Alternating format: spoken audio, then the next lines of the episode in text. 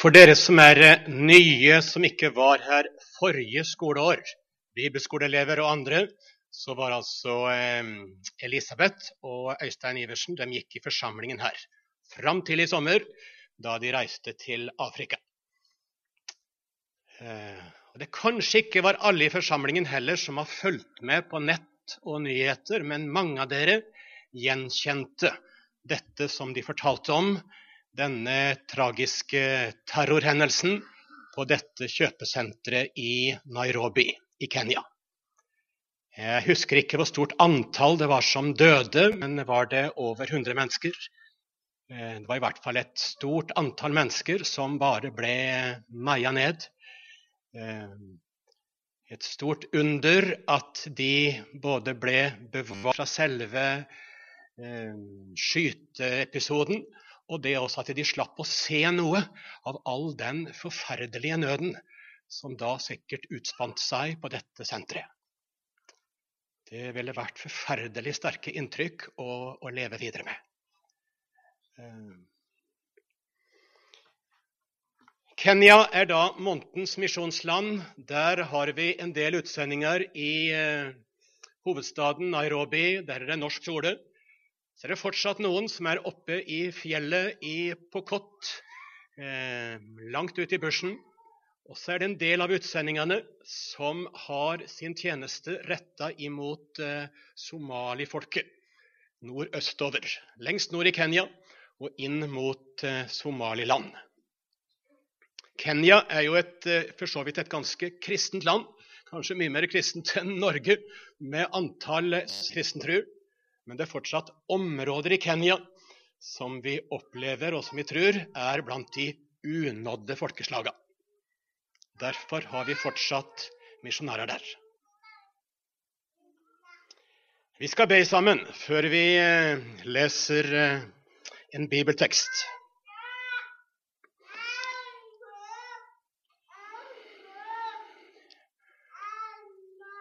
Kjære Jesus, jeg har også lyst til å takke deg for englevakt og beskyttelse for Øystein og Elisabeth i Kenya.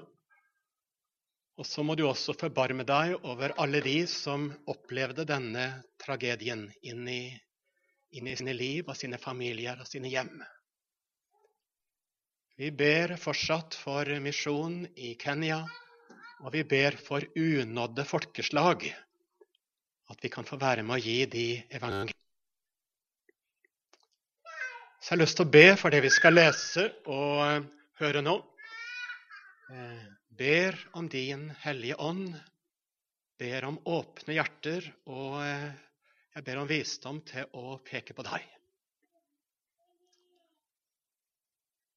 Amen.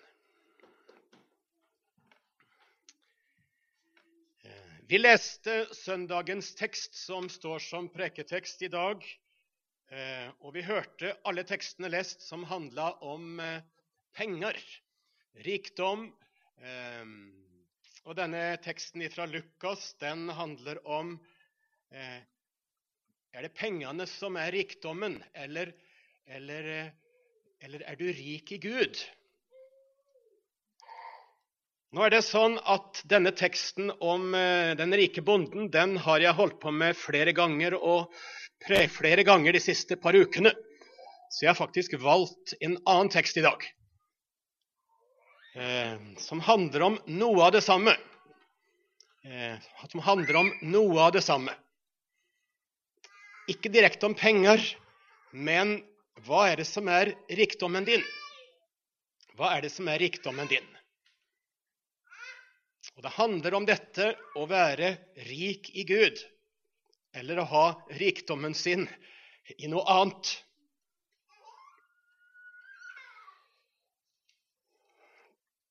Vi skal lese fra Johannes' åpenbaring, kapittel 3, fra vers 14. Johannes' åpenbaring, kapittel 3, vers 14 til 22.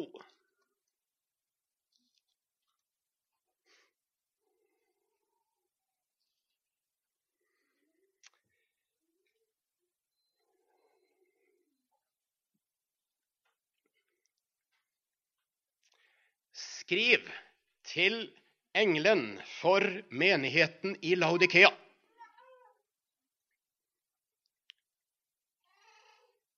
Dette sier han som er Amen, det trofaste, sannferdige vitne, opphavet til Guds skaperverk.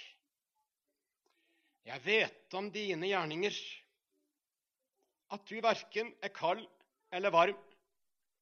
Det hadde vært godt om du var kald eller varm.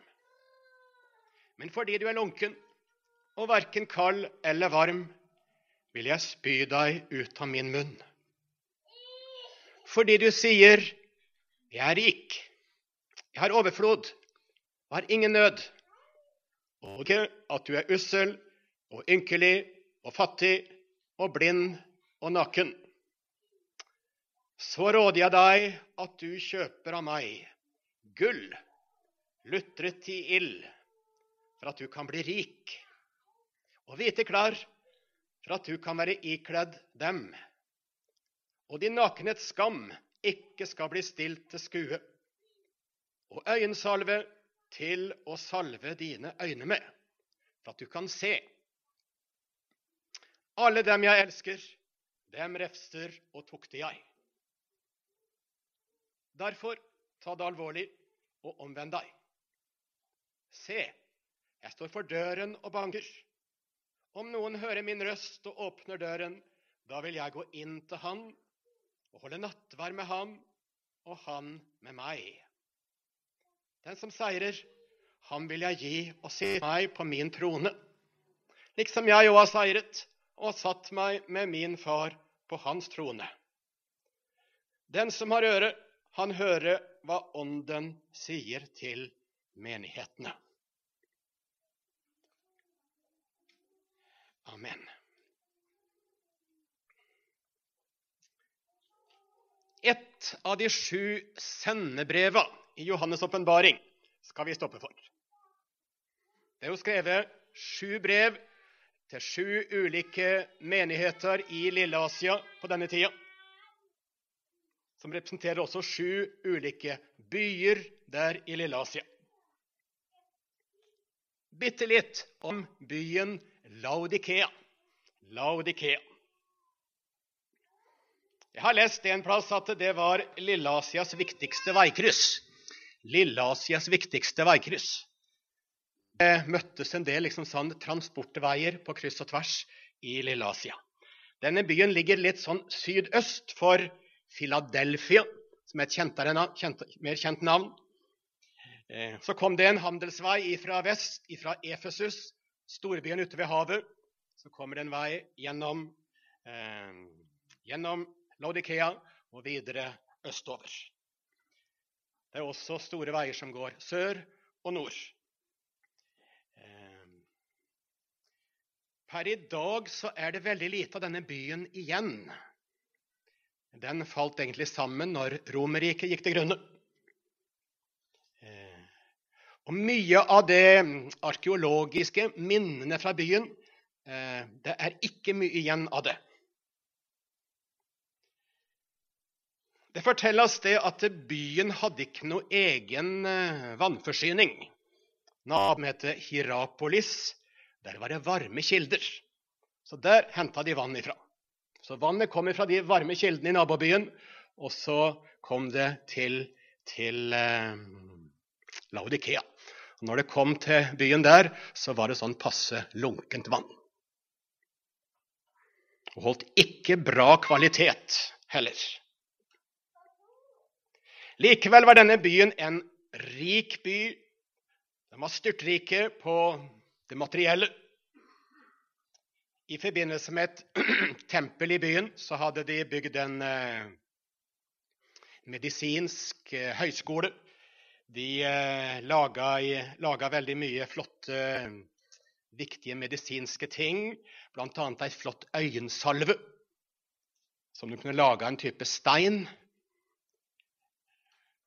Også ei spesiell øresalve laga av noe narduskrydder. Dette framstilte de i byen, laga, solgte altså ei fantastisk øresalve og ei fantastisk øyensalve. Da skjønner du også hvorfor, hvorfor eh, apostelen, hvorfor Gud, bruker disse bildene med, med salve, eh, med å høre osv. De lagde også eh, flotte klær. En sånn tunika, det heter en sånn type drakt. Eh, det lagde de av eh, en spesiell sauerase. Eh, som hadde en svart ull. Og av denne ulla så lagde de en fantastisk drakt. Så kommer budskapet her fra Bibelen om ikke ei svart drakt, men ei, men ei hvit drakt.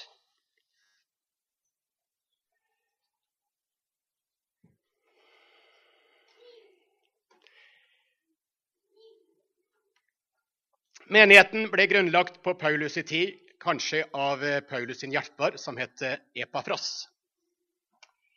Og Vi kan lese i slutten av Kolossebrevet eh, hvordan det er sendt brev til menigheten i Laudikea. Der står det i Kolosserne 4, 16. Kolosserne 4, 16.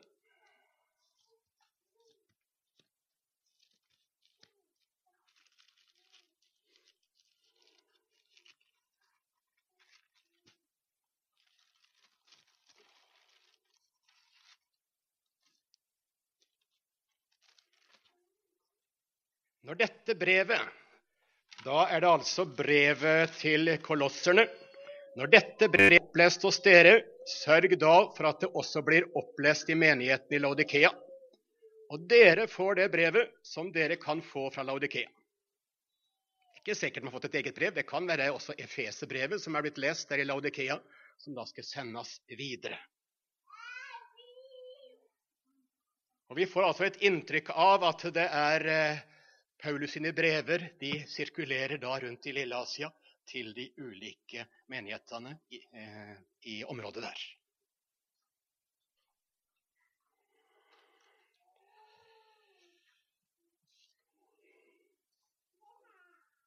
Men nå får de altså et særlig brev eh, fra Jesus sjøl til menigheten i Laudikea. Den er skrevet til eh, engelen, sannsynligvis menighetsforstanderen, pastoren, lederen. Og så står det i vers 14. Dette sier han som er sannheten. Dette sier han som er Amen, det trofaste og sannferdige vitne, opphavet til Guds skaperverk. Vi skjønner at det er Jesus som skildres her. Dette sier han som er Amen, det trofaste og sannferdige vitne. Opphavet til Guds skaperverk. Opphavet til Guds skaperverk. Det står i Bibelen det, i Kolossebrevet. Alt er skapt ved Han og til Han. Alt er skapt ved Jesus til Jesus. Han er opphavet til Guds skaperverk. Han er opphavet til deg. Du er skapt ved han, til han. Jesus er en del av skapelsen, også for ditt liv.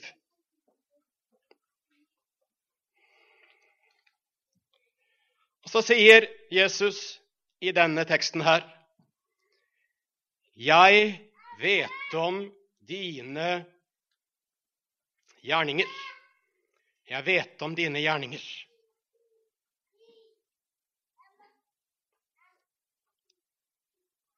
Så står det at du verken er kald eller varm. Det hadde vært godt om du var kald eller varm. Her skildrer altså Eh, Jesus eh, tilstanden i menigheten i Laudikea. Jeg vet dere, hvordan dere har det. Jeg vet om gjerningene. Og gjerningene det betyr jo kan du si, alt i livet deres. Handlinger, liv, hjerteforhold. Jesus sier, Det er jeg som har skapt dere. Det er jeg som står bak alle ting hos dere. Alt som er godt. Og jeg kjenner dere tvers igjennom. Og jeg vet at dere i menigheten i Laudikea verken er kalde eller varme. Det hadde vært bra om dere hadde vært kalde eller varme.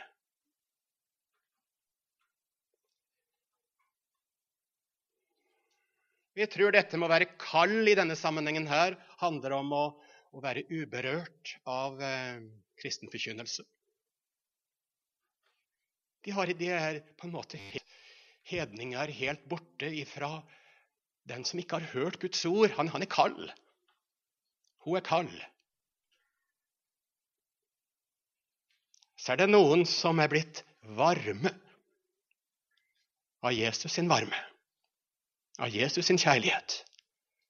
De er blitt brennende i ånden, står det om. De er blitt varma opp av evangeliet, fått et nytt liv.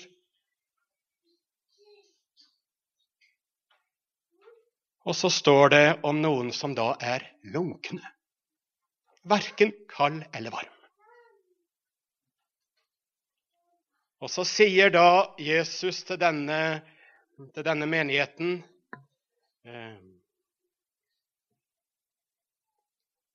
Det hadde vært bedre om du hadde vært kald. Et enormt sånn sterkt uttrykk. Og så visste denne menigheten i Laudikea lunkenhet. Det er noe ekle greier. Det vannet vi får fra nabobyen, det er lunkent og på en måte ødelagt før det kommer til oss. Og så sier Jesus, 'Dere er lunkne'. Dere er lunkne. Menigheten, forsamlingen, hjertene. Og vi kan ane liksom hvordan denne menigheten må oppleve at det, det, det, det begrepet brukes om, om, om menighetens eh, forhold til Gud. Og så sier da Jesus til denne menigheten eh, fordi du er lunken, så vil jeg utspy deg av min munn. Dette er jo et sånt et grusomt uttrykk. At Gud på en måte bare vil liksom spytte ut, eh, tømme ut, få det bort.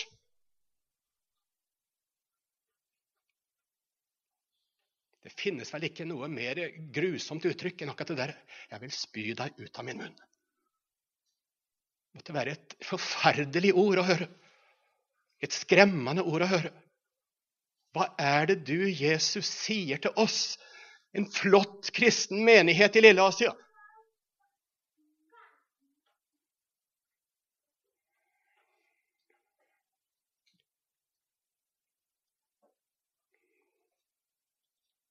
Jeg tror det er også noen av dere som har lest denne teksten her, eh, hørt denne teksten her og blitt litt eh, på en måte urolig.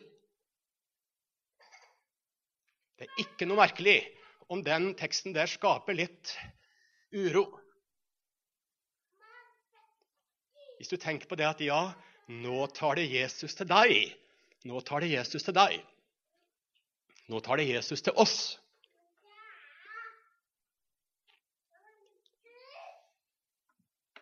Kanskje det skaper en bønn i noen sine hjerter. Jesus, la det ikke mer være meg som er lunken. Frels meg ifra min lunkenhet som jeg kjenner på. Frels meg ifra min lunkenhet. Det er kanskje noen som har bedt den bønnen der.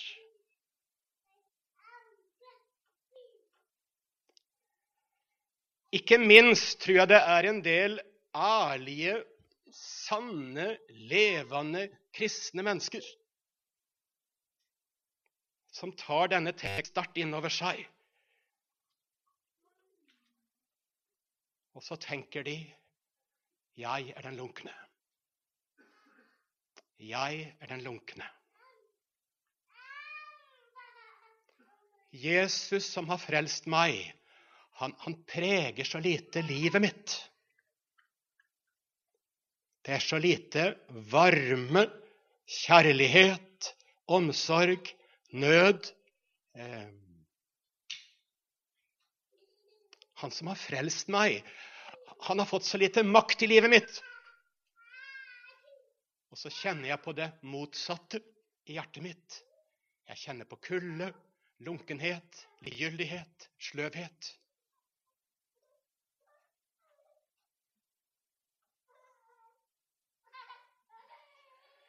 Noen kan også tenke på periodet sitt eh, hvor du kjente Jesus nærmere. Jeg kunne liksom merke at Jesus var nær meg. Det var på en måte varmt og godt i hjertet. Men i dag så kjenner jeg ingenting. I dag så kjenner jeg ingenting. Er jeg den lunkne? Er jeg den lunkne? Ja, jeg kjenner det sånn.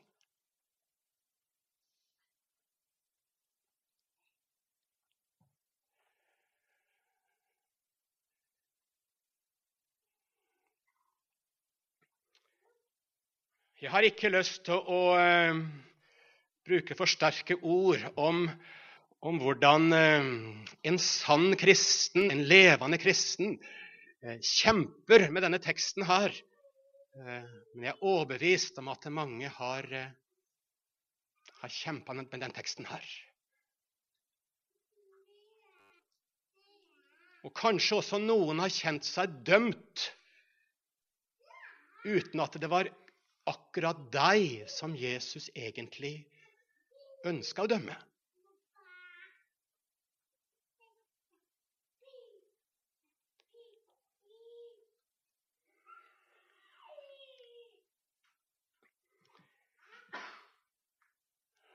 Men innimellom så må vi inni den eh, ransakelsen der Er det meg, Herre? Er det meg, Herre? Er det jeg som er han i lunkne?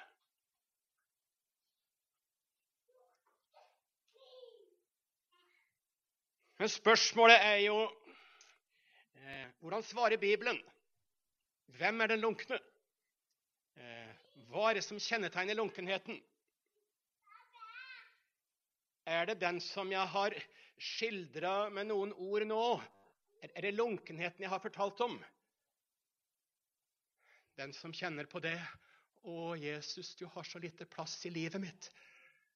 Du som har gjort så mye godt mot meg. Jeg kjenner på så mye kulde, så mye lunkenhet. Jesus, frels meg fra lunkenheten min. Det er godt at du kan be den bønnen der. Men er det akkurat sånne mennesker som Jesus snakker om her? Hva kjennetegner den lunkne? Så står det altså da i vers 17 fordi du sier 'jeg er rik'. Jeg har overflod og har ingen nød.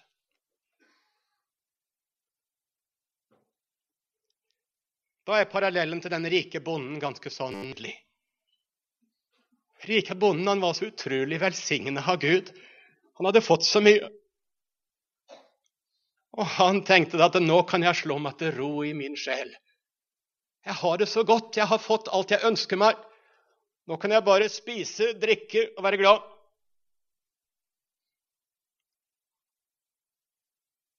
Og så kom Gud og ville ha sjelen hans tilbake. Så ville Gud stille han til ansvar for livet sitt. Og da kom det jo helt klart fram at han hadde jo rikdommen i seg sjøl. Det var pengene, det var oppfyllelsen av egne ønsker som var hans rikdom. Han var ikke rik i Gud. Han var ikke klar til å møte Gud.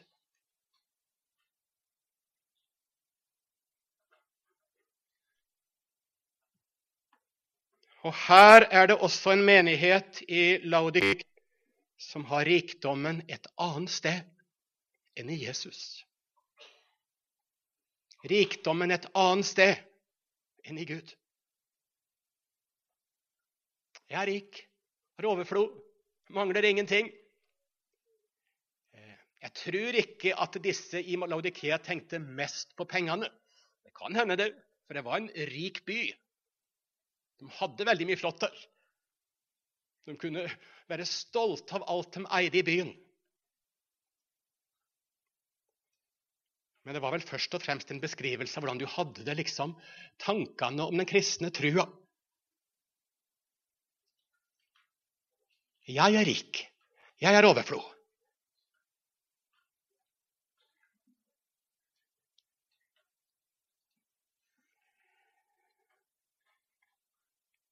Jeg var innom noe av dette i går på ungdommen her. Det er så mange forskjellige drakter, det er så mange forskjellige masker, det er så mange forskjellige fristelser til meg og til deg med å ha vår rikdom et annet sted enn i Jesus.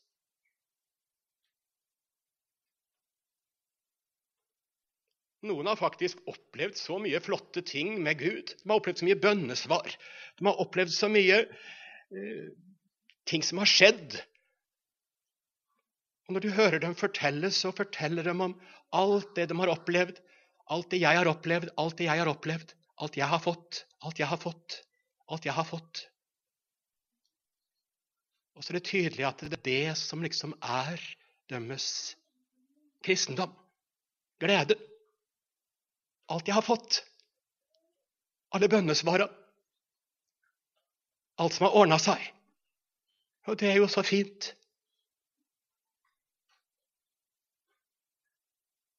Og de kommer ikke på at de kan være lunkne. De har jo fått så mye av Gud. Jeg har jo fått så mange bønnesvar. Det har jo ordna seg mange ting i livet mitt. Det er klart det er rett med meg. Og så vet du ikke at du er lunken. Du vet ikke at du er ussel, ynkelig, blind, naken.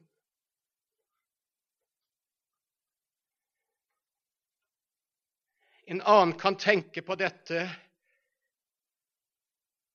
jeg er rik, overflod, mangler ingenting. For jeg har, jeg har på en måte skjønt så mye med kristendommen.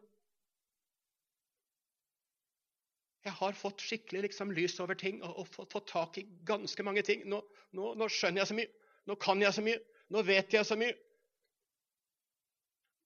Det er dessverre en del andre mennesker som ikke har forstått så mye. Jeg har heldigvis skjønt veldig mye av det viktigste med den kristne trua. Jeg, jeg, jeg, jeg. Jeg har skjønt. Jeg har forstått. Jeg har sett. Jeg, jeg, jeg. Jeg er rik, overflod, mangler ingenting.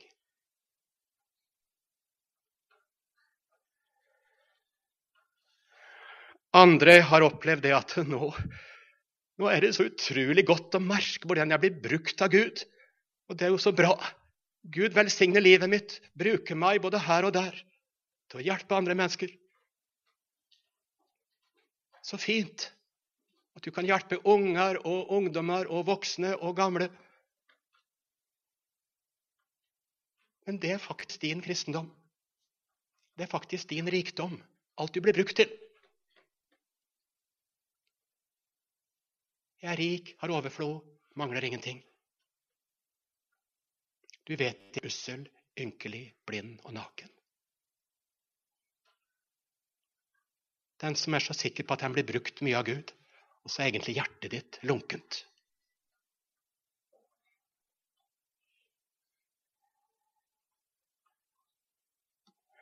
For andre kan det være det det er et liv som gradvis har mista varmen og livet. Stillheten er borte. Åpenheten overfor Gud, som var der tidligere, er borte. travelheten, ehm, alle viktige ting i livet, har endra troslivet med Jesus over tid. Men du ser det ikke, jeg ser det ikke. Jeg er rik, har overflod, jeg har det så bra, det går så greit, jeg har det så bra. Men livet, varmen, samfunns er ikke levende lenger.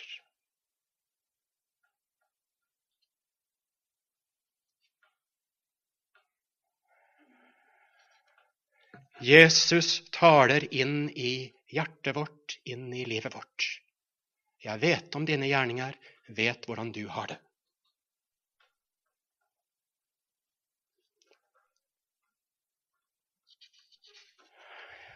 Og da kaller Bibelen oss til å høre det som vi har lest nå, og ta det til oss. Ja, Jesus, det er sant. Pek på hva som er sant i mitt liv. Pek på hva som er faren i mitt liv, Jesus.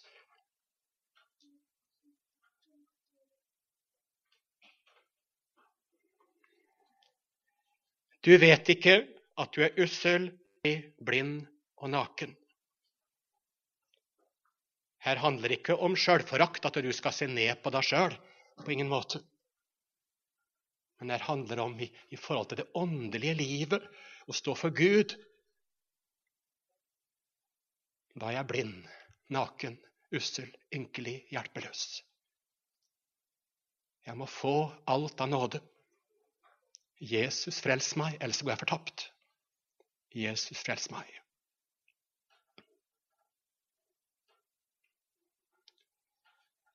Det er Gud som sender vekkelse ifra himmelen inn over menigheten i Laudikea. Det er Gud som sender et voldsomt vekkerrop inn i hjertene.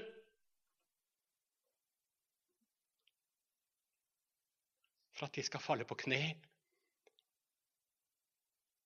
rope om nåde for livet sitt, hjertene sine, menigheten sin frelses ifra sin egen rikdom.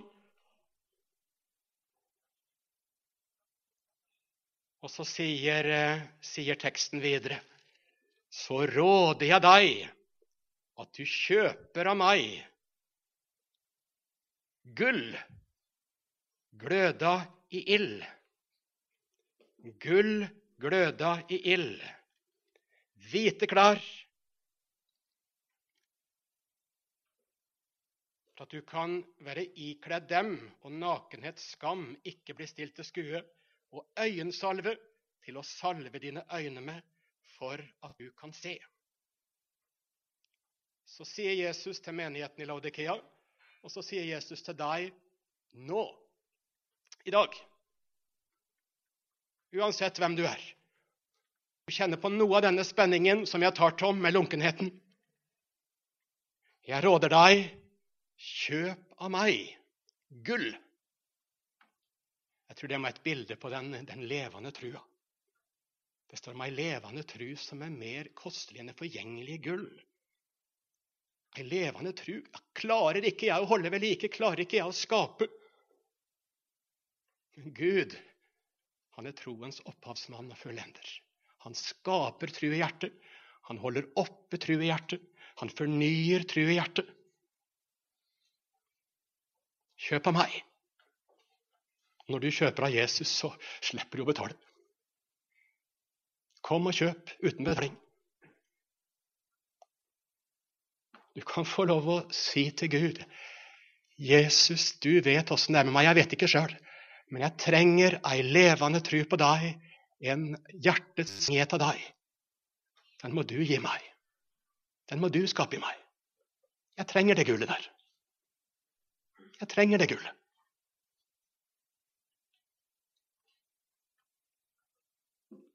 Og jeg trenger hvite klær.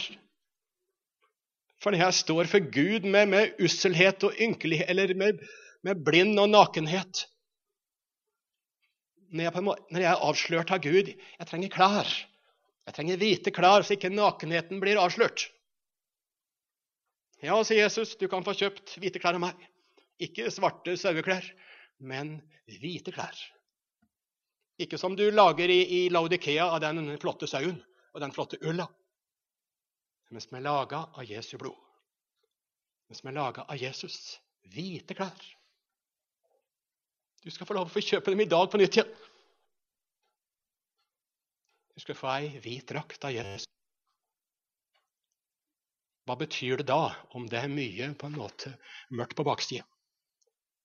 Om det er mye kaos i eget liv. Jesus, jeg kan få hvite klær hos deg. Jeg kan få rensa klær, jeg kan få hvite klær, frukt av Jesu forsoning. Og jeg kan få kjøpe øyensalve, så jeg kan se. Er det noe noe av problemet vårt, så er det blindhet overfor åndelige verdier, Jesus sine verdier. Jeg kan plutselig tenke at pengene er utrolig viktig, sånn som vi hørte om i teksten. Jeg er så blind jeg. Jeg kan bli mer eller mindre opptatt av ting som, som bare er kortvarige. Jeg har en naturlig blindhet med meg.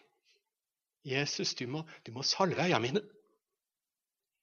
Jeg må få den øyensalva som, som bare du kan gi. Den hellige ånd sin øyensalve. Kan jeg få lov å kjøpe den av deg? Kan jeg få den av deg, Jesus? Øyensalve, så at du får se Jesus, hvem han er, og hva som er de viktigste verdiene. Hva som er det viktigste i møte med mennesker. Hva som er viktig i livet ditt.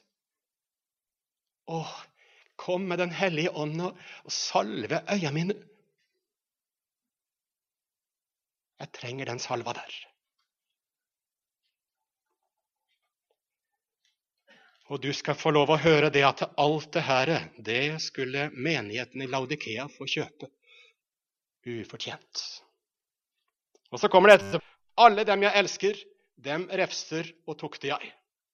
Derfor ta det alvorlig og omvend deg. Hvorfor talte Jesus så strengt til menigheten i Laudikea. Hvorfor talte Jesus sånn et, liksom et domsbudskap, vekkelsesbudskap, ransakelsesbudskap? Eh, hvorfor talte Jesus det til menigheten i Laudikea? Jo, det står det fordi jeg elsker deg. Fordi jeg elsker deg. Alle dem jeg elsker, dem refser og tukter jeg. Vi møter jo både loven og evangeliet her i denne teksten. her, Både det alvoret og, og, og, og nådebudskapet, men, men de hører i hop. Bak alt sammen så står den uendelige kjærligheten.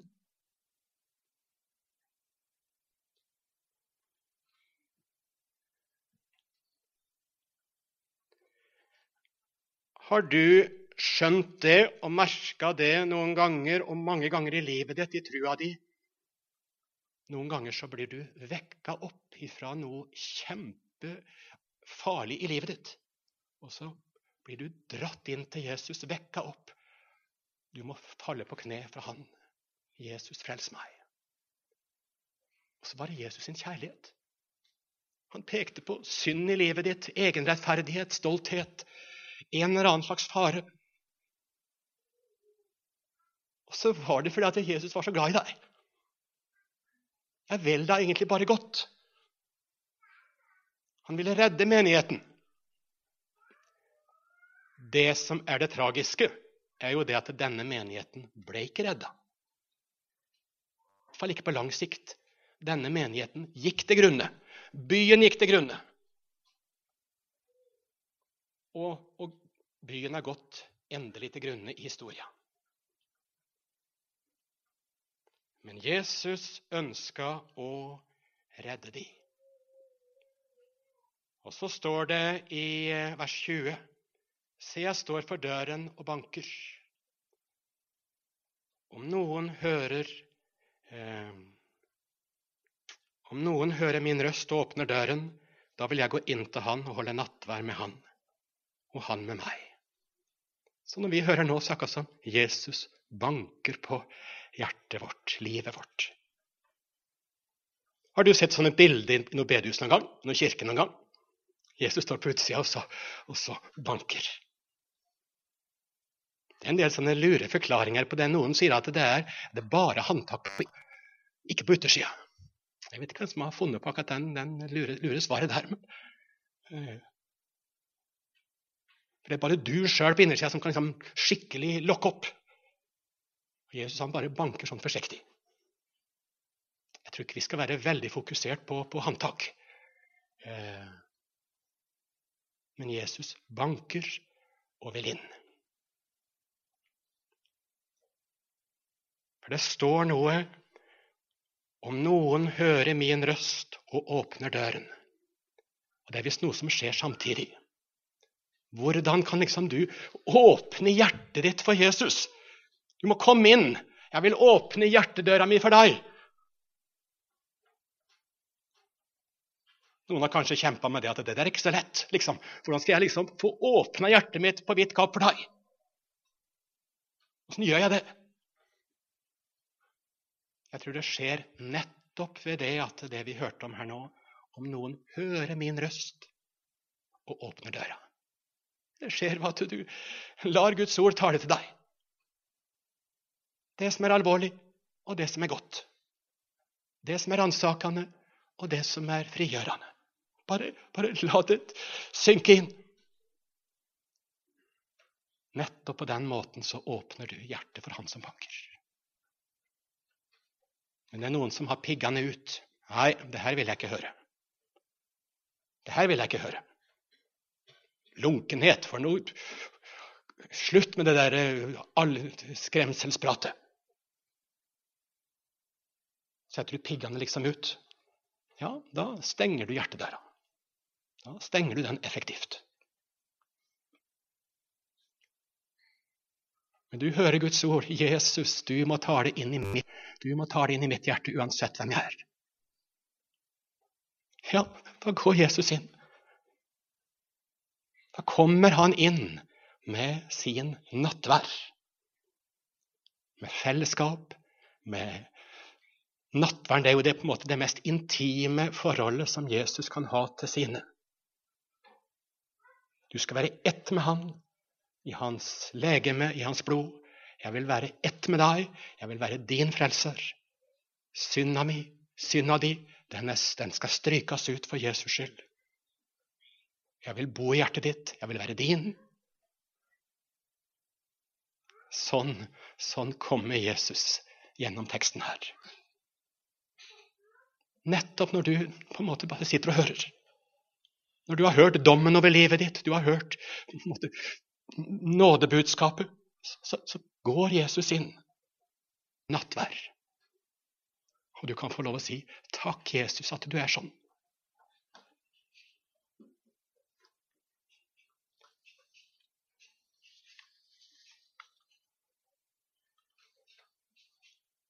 Og så står det da noen ord til slutt om den som seirer.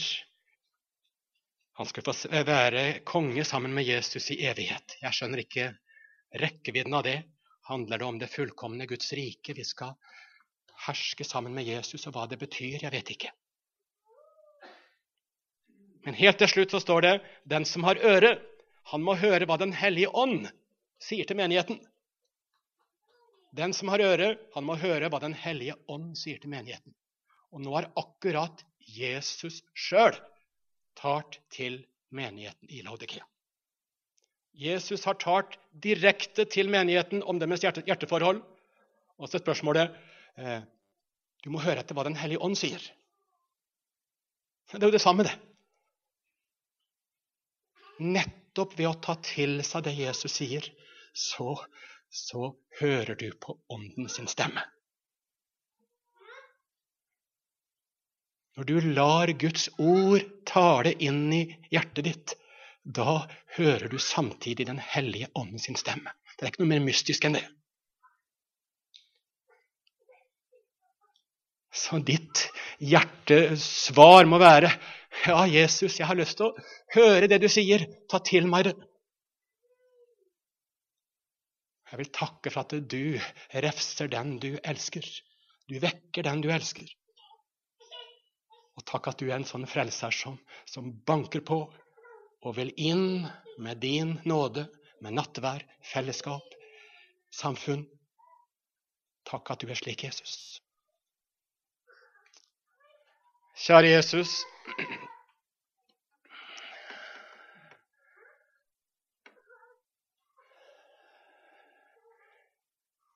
Vi ber i forsamlingen vår, må du frelse oss ifra denne lunkenheten det står om her. Vi vet ikke om vi skjønner alt hva dette betyr, Men vi skjønner det er noe skummelt, noe forferdelig. Vi ber om at du må frelse oss. Frelse meg ifra denne lunkenheten som skildres her. Jesus, takk at du roper inn i hjertet vårt med din ånd for å vekke for å kalle oss inn i lyset. Og takk for din uendelige kjærlighet, nåde. Takk for de hvite klærne. Takk for øyensalven.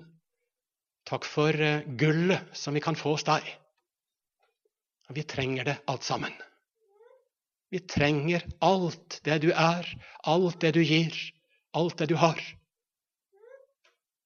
Og vi takker for at du gir uten betaling. Amen.